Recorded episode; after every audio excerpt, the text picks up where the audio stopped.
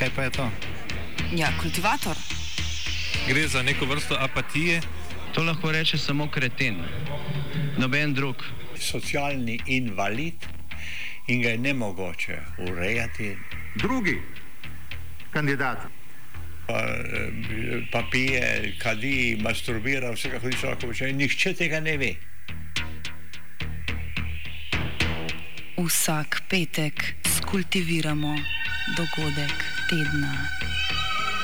Lahko po kriterijih radio študent, težko pa po evropskih kriterijih. Ampak na drug način, kot vi to mislite. Kultivator vedno užge. da pač nekdo sploh omenja probleme, ki so in da pravzaprav sploh nekdo sproži dogajanje uh, v družbi. To drži, drži.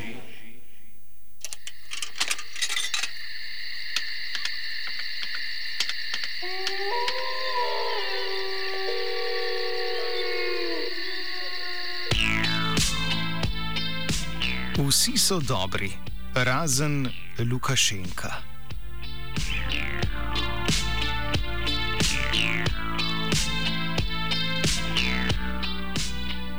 V nedeljo bo zadnji glasovalni dan beloruskih predsedniških volitev po enotedenskem predčasnem glasovanju. Za svoj šesti mandat se poteguje trenutni predsednik Aleksandr Lukašenko, ki je oblast prevzel leta 1994. Državna volilna komisija je nedavno onemogočila kandidature več drugih kandidatov. Uradno niso pridobili dovolj podpisov za vložitev kandidature. Z onemogočenjem tradicionalnih kandidatov naklonjenih liberalizaciji trga so v ospredje stopili neortodoksni kandidati. Med njimi izstopa Svetlana Tihanovska, ki kandidira na mesto moža, ki mu je aretacija preprečila kandidaturo.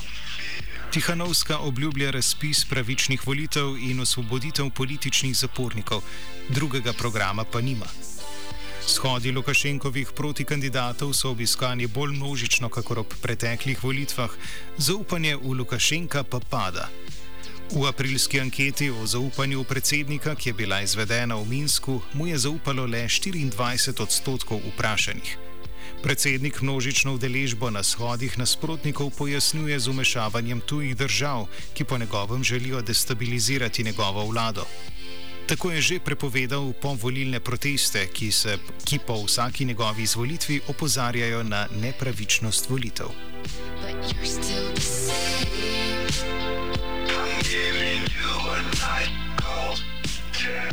Volitve se seveda soočajo z očitki o volilnih nepravilnostih, še posebej med predčasnim glasovanjem. Organizacija za varnost in sodelovanje v Evropi je vse beloruske volitve od leta 1995 označila za nepoštene. Letos je beloruska volilna komisija omejila število opazovalcev med predčasnimi volitvami na tri ljudi na posameznem volilnem mestu, uradno zaradi epidemije. Svetlana Dihanovska je svoje privržence pozvala k glasovanju na zadnji dan, ko naj bi bila možnost zlorabe manjša.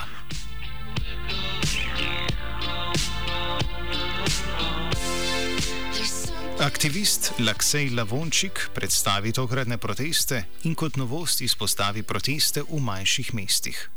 Say a massive compared to anything we have seen for the last, I'd say, 20 years. Uh, yeah, probably.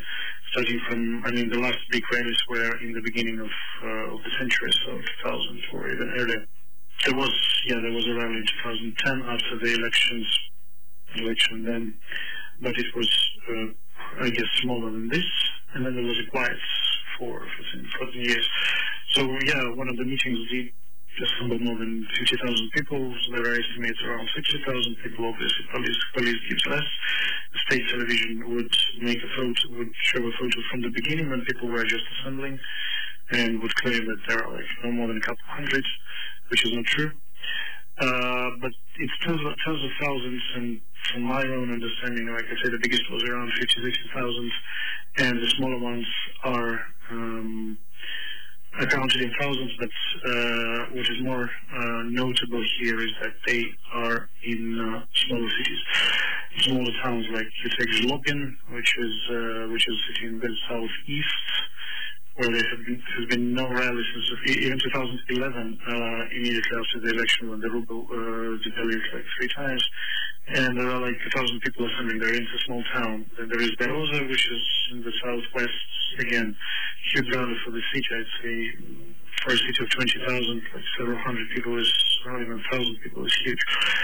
Um, so yeah, this is this is something remarkable, especially given that the protests, even in the past, they weren't really spilling into smaller cities outside the regional centers, and even regional centers were quite uh, passive compared to the capital.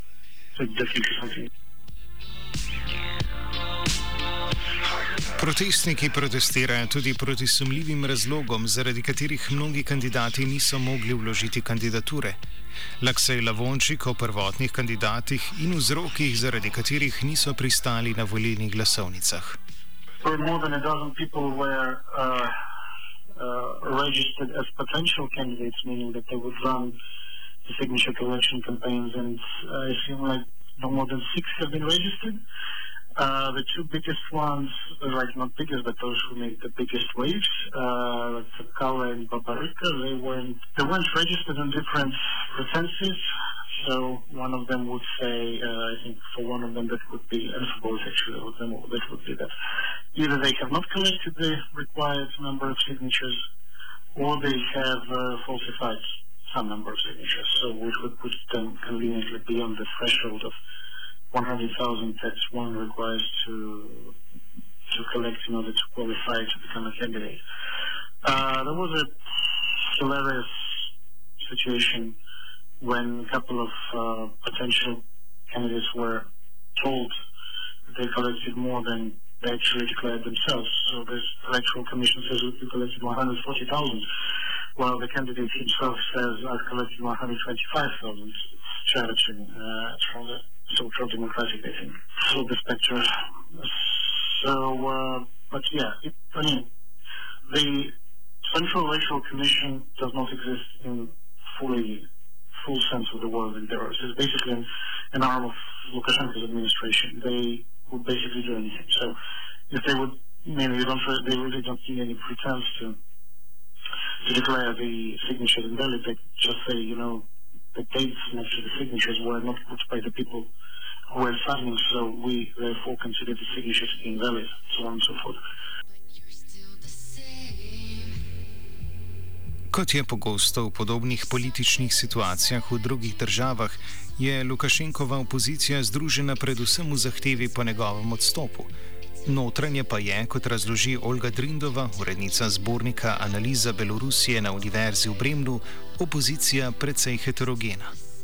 I would not say that we have, you know, a big um, consolidated social group that is against Lukashenko because um, these two persons of the, of the, of the elite that were not registered, Mr. Babarika and Mr. Tsepkala, uh, they had actually a different aim group, so to say, or potential electoral group. Uh, uh, so they had uh, more or less people that are might be better educated or with international experience, so people that understand that the country needs liberal reforms, that they um, they, they, they need new system that is functioning. Um, uh, that is functioning, uh, that is better in functioning, so to say, that's more effective.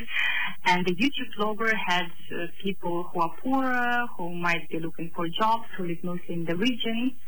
But the only thing that unites the people for the time being is the slogan "Everybody but one," which means everybody but Lukashenko. So quite a big group of social, uh, quite a number of different social groups are kind of simultaneously tired of the president, and that's well, kind of a bad joke with him, with a history maybe that this pandemic period and also economic decline and new phases in politics just came together at this moment. Po izločitvi teh kandidatov se je kot najpriljubljenejša kandidatka pojavila Svetlana Tihanovska, učiteljica angleščine in žena nesojenega kandidata, vlogerja Tihanovskega. Mrs. Svetlana Tikhanovskaya. Uh, she's considered nowadays to be one of the um, strongest alternative opposition candidates, although it's quite a strange situation because she actually never wanted to take part in to go into politics and uh, was actually and still is a wife of a popular YouTube blogger, Sergei Tikhanovsky, uh, who was not registered as a candidate, and it was quite a spontaneous decision of his wife uh, to run for the presidency, and she even managed uh, to gather about 100,000 uh, signatures uh, from people. Um, uh, which are supposed to be gathered so that you get this registration, and she was really registered. And it was quite a surprising moment because um, back then, all the three most popular potential candidates were already uh, either arrested or they were not registered as candidates, so nobody um, really expected this uh, high level of popularity. Uh. Svetlana Tihanovska z izjemo obljube o izvedbi pravičnih demokratičnih volitev v roku šest mesecev nima političnega programa.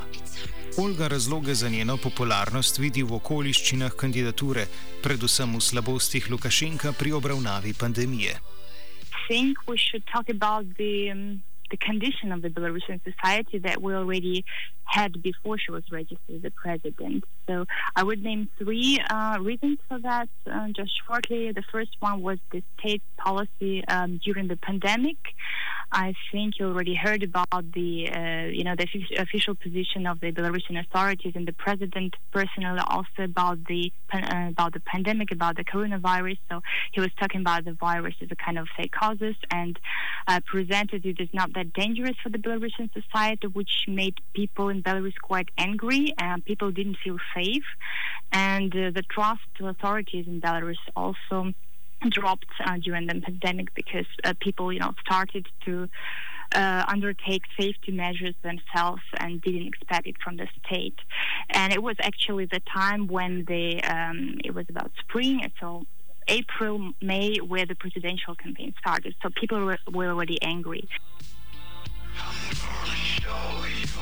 Poleg pandemije pa prebivalce skrbita tudi ekonomija in poslabšanje odnosov z Rusijo. Ekonomija, močno odvisna od kvalitete odnosov z Rusijo, si ni opomogla od tako imenovane vojne nafte, plina in mlečnih izdelkov, ko je Rusija ukinila uvozne subvencije na te izdelke. The second reason was the uh, perception of um, economic situation among Belarusians, and um, the poll showed that it's one of the um, worst, I would say, in the last uh, 10, maybe even 20 years. So about over 60% of Belarusians said that the um, economic situation was bad.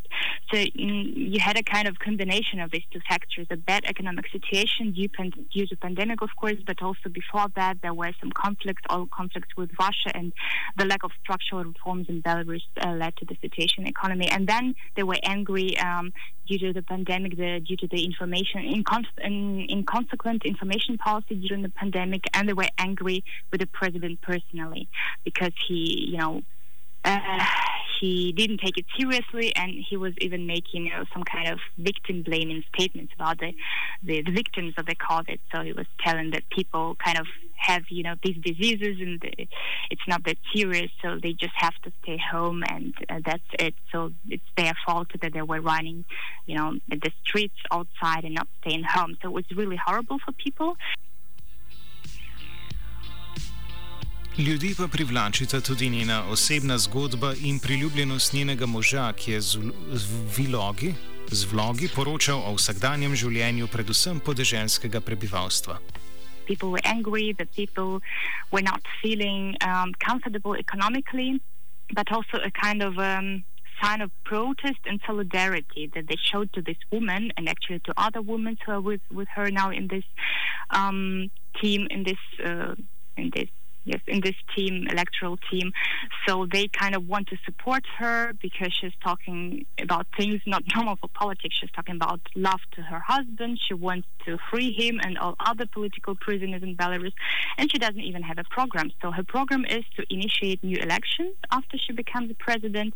And it's also quite unusual, and people just come to support her. And um, I, I would say that for many people, it sounds like a fairy tale. So, you know, housewife who runs for election and who gathers 60,000 people in Minsk, which is also unprecedented um, even for Belarus. I think the protests after elections 2010, um, there were not that uh, large scale as we already can see, and we still don't have the election day. So all, everything that we observe now is before election. So it's unprecedented mm, mobilization of Belarusian society and also the high wave of solidarity that we see right now. Andrej Kazakevič, direktor Inštituta za politične vede, politična sfera v Minsku, razloži strategijo Lukašenkove kampanje. The main message of his campaign is to preserve current uh, or contemporary political and social system in Belarus. He um, underlines uh, achievements of this uh, system. Uh, he underlines uh, high standards of living. According to his interpretations, the standards of living are high in Belarus. Uh, he um, support, uh, supports uh, the idea to increase um, influence of uh, state uh, industry in the country and its uh, influence on the economy. He promotes uh, the idea to open new uh, industries uh, throughout the country, to, uh, to impose more control on um, bank um, sector and uh, financial uh, companies. Um, so his um, program is um, more or less conservative. It's more about preservation about, of the system. Poleg tega se Lukašenko predstavlja kot steber stabilnosti in svari pred revolucijo, čež država ne želi postati nova Ukrajina. Olga Drindova o tokratni neuspešnosti strašenja pred revolucijo. Might be one of the reasons that he's that unpopular because he doesn't really have anything new to offer people.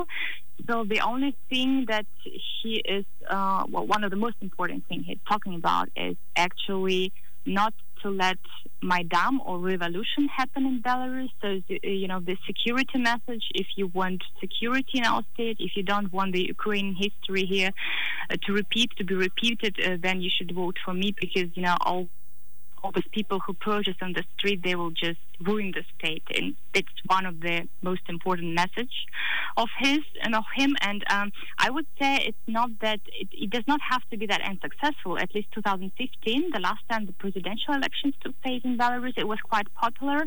This message because because of the Ukraine crisis, because people really saw um, the, the, the pictures of war in the Ukraine. It was quite near to Belarus, so people were really afraid.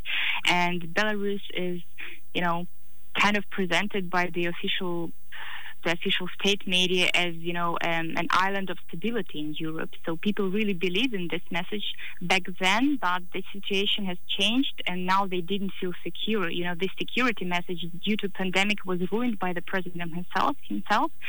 So now I don't really see that this message is working. Lukašenko je v volilnem manifestu obljubil ukrepitev vezi z Zahodom in Vzhodom, hkrati pa je več evropskih držav, predvsem pa Rusijo, obtožil upletanja v volitve. Natančneje, obtožil jih je, da poskušajo zanetiti množične upore proti njemu. S to obtožbo je tudi areteral 33 plačencev iz Rusije in Ukrajine, ki naj bi delali, za zasebno paravojaško skupino Wagner. Ukrajina je zahtevala izročitev svojih državljanov, Rusija pa svari, da bo aretacija resno vplivala na odnose med državama. Andrej Kazakevič o vzrokih za slabe odnose med državama. concerning prices on oil and uh, gas. Um, uh, the issue, which is very important for Belarus, especially now when the economic situation is not very, very good. And uh, the second issue, which is very important for Russia, is um, uh, to um, to strengthen its influence in Belarus by imposing uh, new agreements, so-called deep integration between Belarus and Russia. Uh, this deep integration um, supposes um, uh, some economic measures concerning common markets, uh, common uh, financial policy, and so on, and also some political points. Probably even um, creation of some um, um, common political institutions like parliament, and probably transfer of uh, some part of Belarusian sovereignty to these uh, uh, common uh, common bodies. This point is very important for Russia, but in general, it contradicts the main interests of Belarus and Belarusian leadership. so um, these two points, prices and deep integration, are the main points and the main problems of contemporary relationships uh, of uh, Belarus and, uh, and Russia. Novost tokratnih protestov je njihova razširjenost v majhnih mestih. Vzroke za večjo politično angažiranost manjših mest in podeželja pojasni Olga Drindova.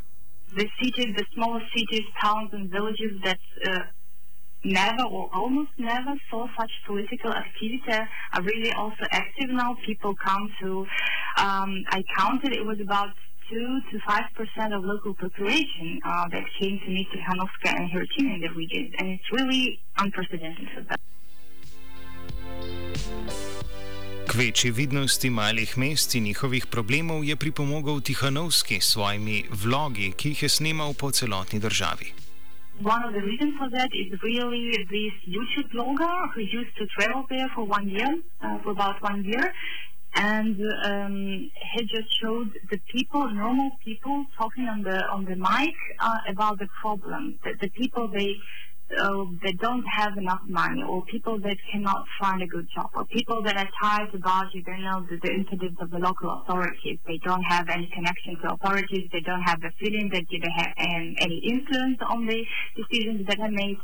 People are extremely angry uh, with the statements of the president during the pandemic because they actually saw that the people were dying, that they saw that the hospitals were, uh, you know, filled with the um, people who were ill, uh, who, who had this virus. So people understood that the reality on television and reality, you know, the real reality um, uh, really did not correspond to each other. So this YouTube blogger was quite a populist figure but he managed to, because he didn't have any agenda, you know, any positive agenda. His own agenda was Lukashenko. Lukashenko is, uh, you know, your main problem in Belarus. But he managed kind of mobilize people uh, and a bit radicalize them. Uh, he became really popular because people perceive him as a person who also comes of some small city, who comes, so to say, out of the folk, out of the nation. And it's a kind of a, it's also an interesting observation. It's also a kind of, you know, version of Lukashenko himself, 1994. Um, uh, it's was also important for his electoral campaign back, back then. He, that he was together with people, he was speaking like normal people, he was not part of the nomenclatura, of the Soviet nomenclatura, and I think he understood that it could be dangerous.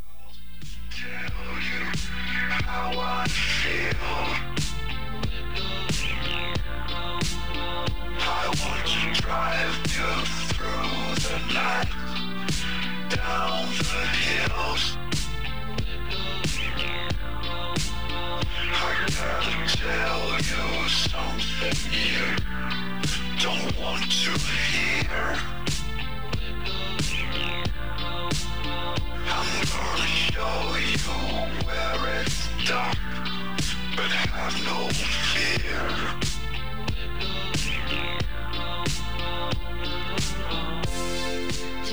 Prav vlogi in socialna omrežja so ponudili nov vir informacij, ki mu ljudje bolj zaupajo, kakor tradicionalnim medijem, ki so v državni lasti in zato rej zelo pristranski v prid Lukašenka. The important role of social media, online media in this electoral campaign, I think the authority understood it too uh, late. That it is um, a new important source of information for people. Um, they already detaining the um, administrators of Telegram channels, for example, or some Facebook groups, but they started to do it quite late. Uh, they started to do it when the people were already mobilized and got actual information from the social groups and not from television. Well, of course, from television as well, but uh, we saw the rise of uh, popularity of independent online media during the pandemic already.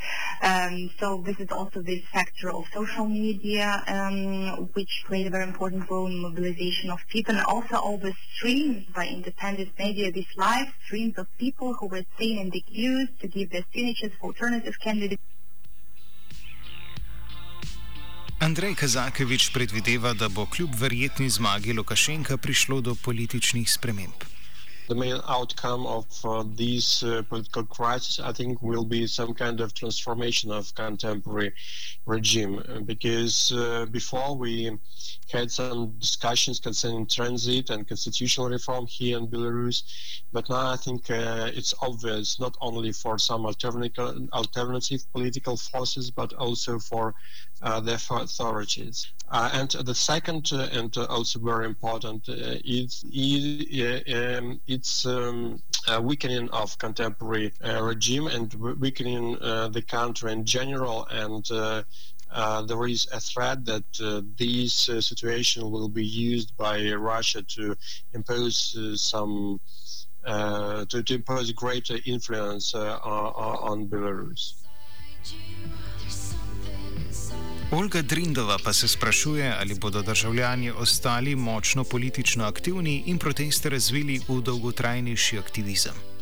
the, the only thing that is clear now that nobody predicted such a mobilization uh, and uh, such a huge wave in- within the Belarusian society within su- such a short period of time. So um, I would say it could be possible to suppose that this way of solidarity and self-organization and politicization within the society can continue also after the elections.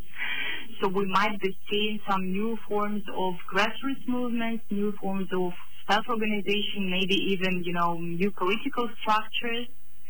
Um, but it all, of course, depends on the uh, scale of repression on the day of election afterwards, because I think it's now more or less clear that the protests will uh, happen also on the day of elections or afterwards, and we don't know how long they will last. We don't know how the authorities will Kultivirala je geja.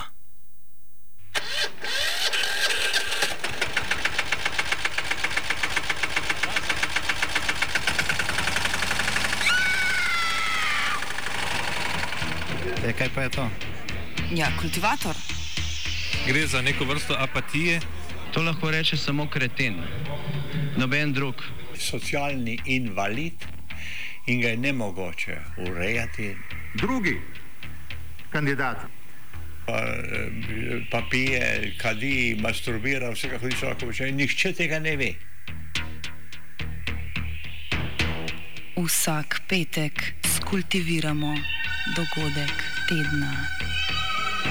Lahko po kriterijih radio študent, težko pa po evropskih kriterijih. Ampak na drug način, kot vi to mislite. Kultivator vedno užge. Da pač nekdo sploh omenja probleme, ki so, in da pravzaprav sploh nekdo sproži dogajanje uh, v družbi. To drži, drži,